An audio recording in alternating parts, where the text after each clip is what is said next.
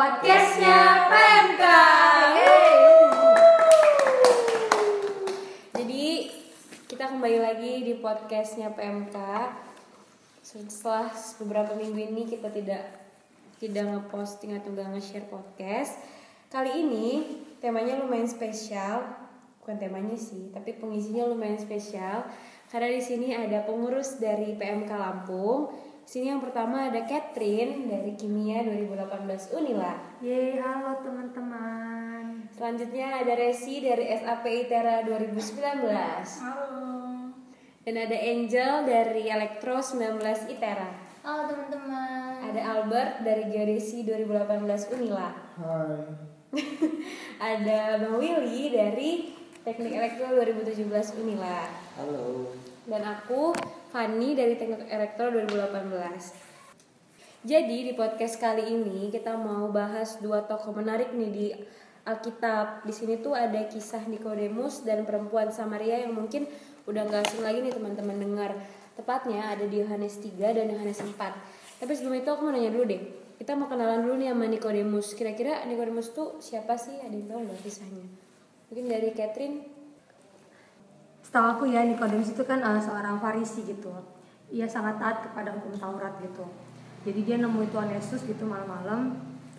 Uh, lalu dia uh, nanya kalau di ayat 2 bukan nanya sih sebenarnya dia ngobrol gitu ya sebab uh, aku langsung bacain aja ya sebab tidak ada seorang pun yang dapat mengadakan tanda-tanda yang engkau adakan itu jika Allah tidak menyertainya gitu lalu Tuhan Yesus menjawab gitu dia jawab katanya aku berkata kepadamu sungguhnya jika seseorang tidak dilahirkan kembali ia tidak dapat melihat kerajaan Allah gitu. Sangat kontras banget ya apa yang disampaikan Nikodemus dan dijawab Tuhan Yesus gitu. Percakapannya terus berlanjut sampai akhirnya yang aku bisa uh, dapat gitu tentang lahir baru sih gitu. Seorang Nikodemus yang kita tahu ahli Taurat dan tuh ya mungkin umurnya sudah cukup tua gitu. Uh, ber- uh, ngobrol dengan Tuhan Yesus soal lahir baru gitu hidup baru gitu yang aku dapat sih itu sih Oke, makasih Catherine. Ada lagi nggak sih yang mau nambahin mungkin ada yang lebih kenal dengan Nikodemus? Angel nih kayaknya. Oke. Gimana Angel? Nah, tadi kan jadi orang Farisi ini nih ya orang yang uh, ngelotok banget gitu ada hukum Taurat gitu. Nah tapi dia walaupun ngelotok hukum Taurat. Ngelotok. ngelotok, Ngelotok tuh apa ya? paham paham banget dia hukum Oh. Paham banget Ini bahasa apa sih? bahasa loh Bahasa apa motok? Bahasa Indonesia. Jawa. Eh, apa bahasa ah, nggak tahu aku aku masuk masuk aku maksud kok ya, oke oke. Oh iya iya sih. Nah terus, Motok. nah terus, uh, tapi kan walaupun dia ngerti hukum Taurat, orang Farisi ini nggak percaya kan kalau Allah itu uh, juru selamat gitu. Tapi di sini kenapa si Nikodemus ini malam-malam datangin Tuhan? Ternyata di hari sebelumnya itu dia sama 69 orang temennya itu melihat uh, Tuhan Yesus melakukan mukjizat yang di kana itu itu yang menjadi anggur. Iya. Nah, tapi dari 69 orang itu, 69 orang Farisi, cuman si Nikodemus nih yang tergerak hatinya buat datang ke Tuhan gitu.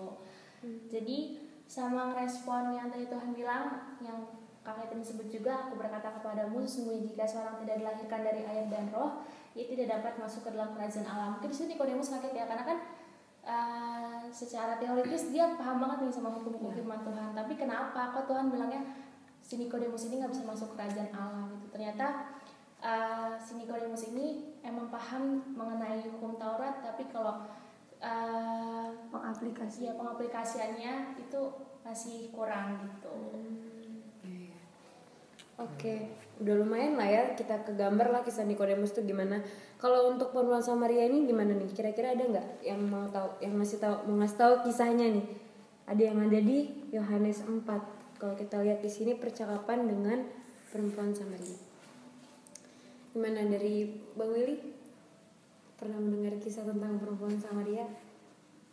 pernah sih jadi eh, perempuan Samaria itu kan kita tahu kan kalau eh, Samaria sama Yahudi itu bermusuhan gitu. Hmm, bertolak belakang. bertolak belakang. Jadi di sini yang aku tahu Yesus itu datangin itu datangin perempuan Samaria ini yang dia lokasinya itu di areanya orang Samaria gitu kan. Jadi pada saat itu orang Samaria itu berada di sumur gitu pada siang hari. Dan dia tahu kalau orang orang sana di pada masa itu kalau dia siang hari di sumur itu artinya dia bukan seorang perempuan yang baik-baik gitu. Jadi Yesus menyempatkan waktunya untuk datang menemui perempuan Samaria ini dan dia berkata kepada perempuan Samaria itu aku haus. Nah mungkin di situ ada makna-makna tertentu gitu bahwa Tuhan ingin melegakan jiwa dari seorang Samaria itu mungkin dari aku itu aja sih Hmm, iya iya. Ada lagi nggak yang mau nambahin kisah sama perempuan, ah, perempuan Samaria ini? Kalau aku sih eh, nggak suatu kebetulan gitu Tuhan Yesus datang ke Samaria. Samaria. Soalnya kalau dari tempat kan iya harus harus berarti emang bener-bener Punya rencana Iya, ya, dia ada. harus nemuin si perempuan Samaria itu. Dia menerobos segala uh, apa sih namanya tembok-tembok ya yang dibuat gitu yang di mana tuh ada seorang Yahudi nggak bisa bergaul dengan orang Samaria Hmm. tapi dia mau menerobos itu semua untuk melegakan saya ya rasa haus dari perempuan Samaria. Itu sih kalau dari aku. Iya ya, berarti sebenarnya bisa kita lihat ya kalau ini kan eh, Nikodemus dan Samaria tuh sama-sama melakukan eh dan Samaria dan perempuan Samaria ini sama-sama melakukan percakapan dengan Tuhan Yesus. Cuma ya tapi mereka juga mempunyai kepribadian yang berbeda nih dari antara Nikodemus dan perempuan Samaria. Kalau yang dapat aku simpulkan lah ya, Nikodemus ini dia tuh orangnya yang orang Farisi, sedangkan perempuan Samaria ya orang Samaria. Terus jadi eh, kalau Nikodemus itu orang yang terpandang, taat akan hukum Taurat dan dia juga bangga gitu dengan statusnya, dia memiliki sifat yang santun. Terlihat kan di situ dia nanya ke Tuhan aja tuh membawa nama rabi gitu kan, maksudnya pakai pakai kata, kata panggilan rabi gitu kan. Itu udah terlihat kalau dia tuh sopan dan santun. Nah, terus sedangkan di sini kita lihat sendiri kalau perempuan Samaria kan yang kita kenal dia tuh orangnya terhina, makanya dia juga bahkan di daerahnya sendiri aja dia orang yang termasuk outside lah gitu ya, iya terpinggirkan. Dan dia juga selalu merasa minder sama dirinya dan segala macam. Sangat amat berbeda, ada sangat amat berbeda, tapi di sini ternyata ada persamaannya tuh. Dari teman-teman ada nggak sih persamaan kira-kira dari kisah ini nih? Ada nggak sih persamaannya? Kalau kita bisa ambil dari Albert Hmm, mungkin dari aku dulu ya Oh ya boleh deh Bang Billy. Eh, Nah, mungkin kalau dari aku sih eh, di sini di mata Tuhan eh, seorang Nikodem- Nikodemus dan seorang Samaria ini adalah kedua orang yang sama-sama berdosa gitu di mata Tuhan. Kenapa berdosa? Karena si Nikodemus ini walaupun dia seorang ahli Taurat, tapi dia dalam dia menjalankan ahli apa hukum Taurat itu dia bukan untuk menyenangkan hati Tuhan gitu, tapi lebih ke bagaimana caranya dia selamat gitu. Dan kalau untuk orang Samaria sih udah jelas sih bahwa dia bener-bener dalam perilaku hidupnya gitu nggak kurang menyenangkan hati Tuhan. Oh iya ya. Berarti Nikodemus tuh ibaratnya dia tetap melakukan ibadahnya, tetap melakukan apa ya? apa yang Tuhan perintahkan tapi itu tuh dengan alasan gitu nggak sih bang kayak jatuhnya kayak dia tuh pengen selamat gitu melakukan biar itu biar selamat gitu ya Bukan tujuan yang sejati gitu. kalau emang dia ngelakuin itu untuk Tuhan gitu ya. ada lagi nggak yang mau ngambil persamaan dari kisah nggak ada ya ya itu sih yang emang bisa kita lihat nah tapi di sini kalau yang aku lihat juga ya dari percakapannya tuh ternyata cara Yesus menanggapi keduanya tuh berbeda. Jadi kalau aku lihat sih Yesus ketika menegur perempuan Samaria itu dia kan dengan lembut dan elegan. Padahal kita bisa lihat bahwa dari Nikodemus aja tuh dia apa ya lebih apa sih nanya tuh lebih sopan kan. Tapi dia tuh negur si Nikodemus tuh kayak lebih keras dan lebih tegas gitu. Kayak dia bilang "Eh, mana sih? Dibilang tuh Yesus menjawabkan di ayat 3 itu aku berkata kepadamu sesungguhnya jika seorang tidak dan bla bla bla bla jadi dia kayak seakan-akan lebih keras lah kepada Nikodemus ini. Nah terus sedangkan di perempuan Samaria dia membawa perumpamaan ya? Bisa dibilang perumpamaan gak sih? Ya, air ya, kehidupan. bisa. ibaratnya dia tuh memulai dengan rasa haus di jasmaninya dia ya nggak sih Iya. Iya kan jadi dia tuh datang ke perempuan Samaria dia merasa haus karena kan dia juga manusia kan Tuhan jadi dari situ baru dia mengungkitkan ke air kehidupannya si perempuan Samaria. Nah kalau dari sini menarik sih kalau aku lihat tentang air kehidupan ini. Kalau dari teman-teman gimana? Kalau melihat makna dari air kehidupan itu sendiri gimana sih yang Tuhan maksud di sini? Kan dia tuh sempat menyinggung kan kalau misalkan air kehidupan yang selama ini perempuan Samaria butuhin tuh apa ya? Yang kayak gitu yang dia tuh butuhin suami orang dan segala macam itu kan beda dengan artian air kehidupan yang untuk kita minum memuaskan dahaga gitu kan. Nah gimana? Kira-kira ada nggak yang mau menanggapi tentang makna air kehidupan di sini tuh kayak gimana sih? Mungkin dari Albert atau Resi? Resi mungkin Resi. Aku belum dengar suaranya. Iya Resi Kayak mau ngomong. Resi. kalau air kehidupan itu sih kayak apa yang kita butuhkan ya gitu kan. Kan air itu adalah sesuatu yang fundamental ya. Ya kalau menurut aku sih air kehidupan itu kayak sesuatu yang kita butuhkan gitu. Apa yang kita butuhkan dalam hidup ini gitu. Jadi kan kayak air air itu kan sesuatu yang fundamental ya dalam kehidupan. Eh, kalau misalnya kita eh, nggak minum misalnya itu ada batasnya gitu hanya dalam beberapa hari. Kalau misalnya nggak nggak makan bisa sampai be- beberapa minggu tapi kalau air itu kan hanya bisa beberapa jam mungkin atau mungkin beberapa hari saja gitu. Jadi dari percakapan Yesus dengan perempuan Samaria itu di situ kan Yesus eh, dahaga kan dia bilang beri aku minum gitu. Terus perempuan Samaria terkejut kenapa tuh? Kenapa kamu yang seorang Yahudi meminta kepada aku yang seorang Samaria? Terus kata Yesus "Eh, kalau kamu tahu eh, padaku itu ada air kehidupan kayak gitu dia meminta suatu air yang biasa air biasa yang di sumur yang bisa melegakan mem- memang melegakan haus rasa haus tapi Yesus juga menawarkan kepada perempuan Samaria itu air kehidupan yang tidak hanya melegakan rasa haus tapi juga memberikan kepuasan gitu Hmm, jadi maksudnya air kehidupannya itu Yesus ya? iya Hmm, air yang kehidupan Yesus yang- mau tuh iya. Iya benar-benar. Dari Albert mungkin apa sih air kehidupan gitu? Maksud Yesus? Hmm, dari aku tuh kalau tentang kehidupan sebenarnya ada yang Resi bilang sih tadi. Sesuatu yang pasti kita butuhin kan. Artinya kalau kita nggak ada itu ada ada yang kurang gitu dari diri kita. Bahkan bisa jadi kita nggak bisa hidup lagi gitu. Nah mungkin kalau karena konteksnya adalah perempuan Samaria dan yang tadi kan? Nikodemus. Nikodemus mereka tuh air kehidupannya masih yang duniawi gitu. Maksudnya mereka masih melihat untuk merekanya bukan untuk Tuhannya gitu. Bukan apa yang Tuhan mau tapi apa yang menurut mereka benar dan mereka lakukan untuk diri mereka. Itu harusnya air kehidupannya jangan seperti itu gitu. Itu sih sepakat sih sama.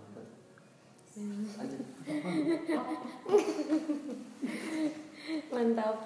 Iya ya, jadi bisa sama-sama kita lihat lah ya bahwa bahkan walaupun memang tidak disinggung tentang air kehidupan di Nikodemus, kita bisa lihat lah dari pengertian teman-teman juga tentang air kehidupan. Nikodemus sendiri juga air kehidupannya kan eh, dengan ia Kesalehan dia. Iya, ke apa? Ya kesalahan dia, ketaatan dia dengan semua moralitas kehidupannya dia lah yang baik. Tapi di situ salah motivasinya ya, ibaratnya bisa dibilang. Jadi dia tuh ngelakuin itu ya untuk kepuasannya dia dan dia merasa itu tuh bisa ngasih keselamatan buat dia. Dan tadi kalau si perempuan Samaria terlihat jelas lah air kehidupan dia tuh selama ini ya dengan dia bisa bermain dengan banyak laki-laki dan bahkan disebutkan juga dia sekarang sama suami orang lah ya, ya kan laki orang kayak gitu sih. Nah dari dalam Alkitab ini juga ternyata aku juga pernah dengar kalau dosa itu tuh termasuk air kehidupan juga. Cuma air kehidupan yang dimaksud tuh bukan air kehidupan sejati yang Tuhan bilang kan air kehidupan sejati itu Yang si memuaskan. Tuhan Yesus kan yang memuaskan sebenarnya. Tapi ternyata dosa ini bisa disebut juga sebagai air kehidupan palsu. Setuju nggak teman-teman untuk statement itu? Aku setuju sih. Kenapa tuh? Maksudnya kira-kira apa sih dosa yang bisa kita bilang air hidup palsu tuh gimana? gimana kan Ya, Kenapa air hidup palsu? Palsu ya. Palsu itu kenapa ada palsu? Karena dibutuhkan. Iya, iya benar. Mahal, ya kan? orang dibutuhkan palsu Ya misalnya kayak Palsu. uang kan. Wah, biasanya kan kalau yang ori itu mahal banget gitu loh KW ya? diperlukan KW ah gitu berarti KW. bukan karena dibutuhkan Apa Jadi karena dibutuhkan dan mahal Nah, karena dibutuhkan dan mahal Iya. palsu oke Gitu, makanya palsu. Oke, oke. gitu. Soalnya kayak aku uh, ngambilnya kayak air hidup palsu tuh air hidup palsu tuh sama kayak idol mungkin ya. Mungkin hampir-hampir mirip kayak berhala gitu apa yang kita lebih cintai dibanding Tuhan gitu kalau menurut aku air hidup palsu. Dan itu banyak banget sih. Yang di luar Tuhan Iya, di luar dosa Tuhan. itu sendiri. Iya. Hmm, kalau mengaitkan nih kita kan mahasiswa nih untuk teman-teman sendiri kira-kira di dunia mahasiswa tuh air hidup palsu yang sering banget nih orang-orang anggap itu air hidupnya dia tuh apa sih? Kebayang nggak maksudnya? Kebayang kebayang. Iya apa sih yang mungkin prestasi kita kita teman-teman juga eh, apalagi kayak eh, aku juga sih juga ngerasain gitu juga kayak pengurus gitu ya kita jadi pengurus bukan eh, untuk melayani Tuhan mungkin agar dapat pujian gitu karena kita memegang suatu eh, jabatan mungkin itu pujian dari orang lain atau mungkin fisik kita itu sih menurut aku. Kalau yang lain ada nggak contoh air hidup palsu? Adalah banyak. Banyak banget sih tuh. Di dunia mahasiswa sih mungkin khususnya pacar lingkup. bisa pacar. Kenapa Iya, tuh? bener. Resi pacar gila. Iya kan kenapa Resi? Dia ya gimana? Kan kita misalnya pacaran nih dan kita eh, lebih mencintai pacar kita sampai kita mau ngasih yang eh, gimana ya segalanya buat dia gitu sampai kita bahkan sampai kita bisa meninggalkan Tuhan gitu. Berarti itu bisa menjadi air kehidupan palsu kita. Resi punya pacar? Dia pacar dia nanya loh ya biar ini Eh, biarkan itu menjadi rahasia. Nanti nomor telepon Resi di sana. Iya ya teman-teman boleh. Resi Semanung kali langsung gitu ya pacar. Iya, benar, Berarti benar. punya pengalaman apa gimana Resi? Eh, nggak tahu ya itu disclaimer disclaimer aja. Mungkin kalau teman-teman mau tahu bisa langsung hubungi ya. follow Instagram Dari Angel apa nih? Pernah mengalami kah atau mungkin kayak ada nih temanku yang sampai kayak gini dengan segalanya gitu. aku Salah dong. Mungkin kalau dari aku kan aku tuh lebih ngerasanya ke arah Nikodemus tadi ya. Apalagi kita sebagai Pelayan. uh, pelayan gitu, pelayan persekutuan. Kadang tuh uh, pelaksanaan semua proker kita atau pengujian proker kita itu kita kedepankan dari segala-galanya. Kadang kita kedepankan lebih dari esensi dari pelayanan itu sendiri gitu. Nah, setelah itu sampai ke setelah itu kita dapatkan, ternyata bukan itu juga gitu, bukan itu juga yang kita mau.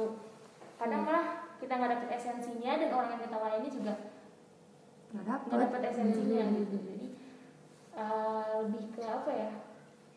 Salah salah salah ini sih salah motivasi dalam melakukannya. Hmm. Ya, ya, bayang sih aku gimana. apa kan yang dibayangin Air kehidupan. kirain bayangin Resi nggak punya pacar iya masuk Hmm. Tapi iya sih aku jadi mikir kayak sebenarnya air kehidupan palsu itu yang bisa kita bilang palsu lah ya. Itu sebenarnya nggak pernah memuaskan gak sih? Iya contohnya tuh ya kayak misalnya main sosial media tuh ya. Udah scroll Instagram terus terus aja kayak masih aja Iya, kurang sampai kayak nggak puas loh. Iya, bener-bener. oke Instagram tutup kita buka YouTube. Udah kita pasang itu masih kurang gitu itu Hmm. makanya kurang memuaskan. Iya iya kalau benar-benar. pacar kita puas gitu. Tapi berat banget. apa gimana? Iya puas. Puas ya? Puas. Apalagi kalau Damai ya. ya damai berarti Catherine nih kalau baca Alkitab lebih lama daripada main sosmed. Iya nggak enggak enggak enggak. Proses. Iya proses, Proses. jatuh bangun ya? Iya jatuh Iya. bangun. Dia cinta. eh gitu udah ngomong cinta enak Oh ya Resi. oh iya sih enggak dia sudah punya teman teman temen apa tuh? Yang lanjut lanjut siapa? Iya iya iya. Dari Albert gimana? nah kan iya. Iya orangnya. Oh, eh bukan bukan maksudnya Aduh, ini dia orang harus diinterogasi nih pantas tadi kamu WA aku. Halo. Inilah teman-teman cinlok di ini cinlok pelayanan aduh. Udah update aja. Dia nanya ini serius. Apa aku sekarang? Iya Erik apa? nih? Kalau banyak kan dari sebenarnya ada contoh-contohin nama yang lain tuh paling kalau aku nggak ngasih contoh sih tapi lebih ke uh, air hidup palsu gitu ya. Kalau aku langsung nge ngebuat tuh jadi dua lagi gitu. Artinya air hidup palsu yang memang negatif dengan air hidup palsu yang negatif tapi dibungkus dengan positif gitu. Yang kayak tadi misalnya uh, tentang prestasi gitu ya. Hmm. Nggak salah sebenarnya ketika kita mempunyai sebuah prestasi gitu. Maksudnya ya ketika kita mempunyai sebuah prestasi pasti kita ingin mencapai itu kan dengan usaha-usaha kita tuh bagus gitu. Tadi juga misalnya kita uh, pengen punya sesuatu gitu kan itu tuh hal-hal yang baik sebenarnya. Tapi yang tadi Angel bilang gitu semuanya adalah balik lagi ke motivasinya gitu. Di mana kita melihat itu uh, sebagai apa gitu. Ketika memang untuk kepuasan diri kita nah itulah air hidup palsu yang negatif tapi dibungkus dengan positif gitu. Tapi memang kalau ketika kita memang misalnya kita berprestasi kita ingin berprestasi itu karena kita pengen bisa jadi berkat buat orang lain gitu. Kita pengen bisa jadi motivasi untuk sekitar kita gitu. Kita juga pengen membanggakan orang tua kita. Dan itu menurutku kalau menurut pribadiku itu sesuatu yang salah gitu. Artinya nggak nggak masalah kita mempunyai apa air hidup yang dunia tapi dunia itu bukan untuk diri kita tapi memang dunia itu yang seperti yang Tuhan mau gitu. Kalau menurutku sih seperti itu. Dan yang aku alamin kalau sekarang kalau mau contohin apa ya hidup palsuku adalah itu gimana guys kenapa dia resi ada apa ini? Ah, Seru nih. sih ya mungkin sejauh sendiri Eh, hidup palsuku kalau di kuliah itu adalah Udah ya teman-teman, sekian podcast eh belum dong. Belum dong belum dong. Apa? Aku bingung coba kasih apa ya? Mahasiswa. HP kayaknya Ya, tadi kan sosmed. Kan sosmed. untuk balas chat dari Messi Oh, ah. oh iya nah itu itu hidup salah satu air hidup palsu ternyata. Aku lebih cepat membalas chat dari Resi ternyata. Dibanding saat teduh. Hmm, hmm. saat teduh sehari sekali aja udah bagus kan. Chat dari Resi semenit sekali. Gimana ya? Yang tua jangan merah gitu mukanya Resi enggak itu bisa kok bisa ya lanjut lanjut.